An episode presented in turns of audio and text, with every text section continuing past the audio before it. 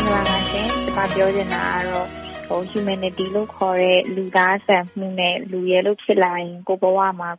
တန်ဖိုးထားရတဲ့တန်ဖိုးတွေ၊စံနှုန်းတွေ၊ကိုယ့်ရဲ့ Values တွေ၊ Principles တွေအကြောင်းတွေကိုကျမစဉ်းစားထားတာလေးပြန်ပြီးတော့မျှဝေချင်ပါတယ်။ကျမအခုတလောကျမရဲ့နေ့စဉ်ဘဝအတွေ့အကြုံတွေထဲကနေပြီးတော့မှကျမကြုံတွေ့ရတဲ့အတွေ့အကြုံတွေကိုပြန်ပြီးတော့စဉ်းစားဖြစ်တဲ့ အခါမှာလူရယ်လို့ဖြစ်လာရင်ကိုယ့်ဘဝရဲ့တန်ဖိုးနဲ့ Principle ဆိုတဲ့အကြောင်းကျမခဏခဏစဉ်းစားဖြစ်တယ်။ဘာ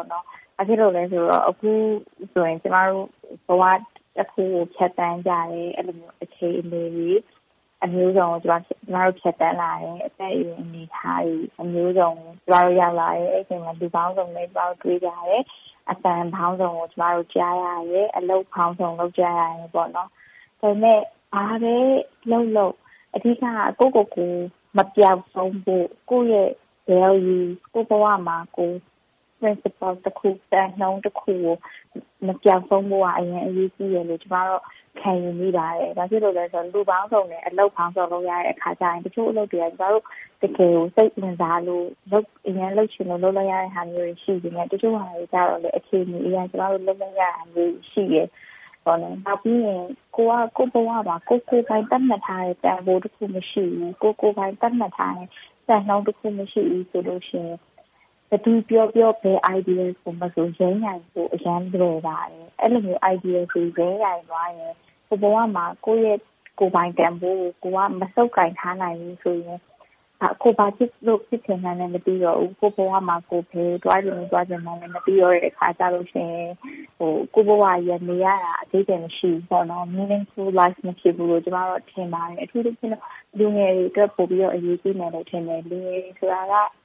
လူကြီးတွေထက်စာရင်နောင်နှစ်ပေါင်းများစွာဘဝကိုဖြတ်သန်းကြရအုံးမယ်။အဲဒီအချိန်မှာကိုယ့်ဘဝကိုတန်ဖိုးရှိရှိနေထိုင်ဖို့အတွက်ကကိုယ့်ရဲ့တန်ဖိုးကိုကိုယ်ကိုယ်တိုင်သတ်မှတ်မှရပါတယ်။ကိုယ့်ရဲ့တန်ဖိုးကိုကိုယ်ကိုယ်တိုင်ချမှတ်မှရတယ်။တနေ့တာပြီးဆုံးသွားတဲ့အခါကျရင်တခြားလူဘယ်သူလက်ခံခံမခံခံကိုယ့်ကိုယ်ကိုလက်ခံဖို့အရေးကြီးဆုံးပဲ။ဒါပေမဲ့ကိုယ့်ကိုယ်ကိုကိုယ်လက်ခံဖို့လိုတယ်။ငါ့ကိုဘယ်သူမှလက်မခံလည်းအရေးမကြီးဘူးဆိုပေမယ့်ကိုယ်လက်ခံကျင့်သုံးတဲ့တန်ဖိုးက အခြေခံလူ့ကျင့်ဝတ်၊လူ့သိက္ခာတွေမဖောက်ဖျက်တဲ့တန်ဖိုးမျိုးတော့ဖြစ်ရမယ်။လောကနီတိနဲ့တော့လိုက်လျောညီထွေမှုရှိရမယ်။ကိုယ်လက်ခံကျင့်သုံးတဲ့အတွေးအခေါ်အယူအဆတန်ဖိုးတွေဟာလူ့အသိုင်းအဝိုင်းအတွက်ကိုအဆိပ်အတောက်မဖြစ်စေဘဲနဲ့လူ့အဖွဲ့အစည်းကိုကောင်းကျိုးပြုနိုင်တဲ့တန်ဖိုးစံနှုန်းတွေကိုလိုက်နာကျင့်သုံးပြီးကိုယ့်ဘဝမှာတန်ဖိုးတခုသတ်သတ်မှတ်မှတ်ချပါ။ကိုယ့်ဘဝရဲ့စံနှုန်းတခုကိုကိုယ်ကိုယ်တိုင်သေချာသတ်မှတ်ပါ ကိုယ့်ရဲ့တန်ဖိုးဟာသူများနဲ့မတူနဲ့။ကိုယ်ကဘာမှအဲဒီအပေါ်မှာလိုက်ပြီးတော့အကြီးအကျယ်ခံစားနေစရာ၊စိတ်မကောင်းဖြစ်နေစရာမလိုပါဘူး။ကိုယ်နဲ့ဘဝတန်ဖိုးချင်းမတူတဲ့သူတွေကိုတွေ့တဲ့အခါမှာလည်းကျမတို့ကအတိုင်းအတာတခုအထိနားလည်ပေးဖို့လိုပါတယ်။အဲဒီလိုမျိုးတယောက်နဲ့တယောက်ကြားမှာနားလည်မှုရှိမှသာလျှင်မတူညီတဲ့လူနှစ်ယောက်ကလူတွေအကုန်လုံးစုပေါင်းပြီးတော့နေထိုင်ဖို့၊စုပေါင်းပြီးတော့အလုပ်လုပ်ဖို့ဖြစ်လာနိုင်တာပေါ့နော်။ဒါပေမဲ့ကိုယ့်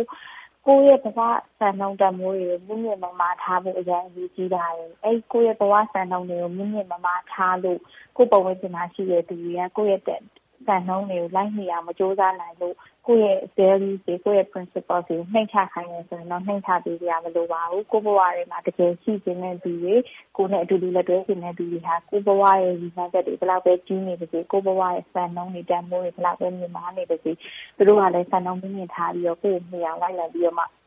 ကြိုးစားကြမယ်လို့ကျမထင်ပါတယ်။အပတ်စဉ်တင်ဆက်နေတဲ့သူယုံကြည်ရာကဏ္ဍအတွက် ဘယ်လိုအကြောင်းအရာမျိုးမှာမဆိုကိုယ်ယုံကြည်ရာလေးတွေကိုပါဝင်ဆွေးနွေးပေးဖို့ဖိတ်ခေါ်ပါရစေ။ Email လိပ်စာ burmese@voanews.com b u r m e s e @ v o a n e w s .com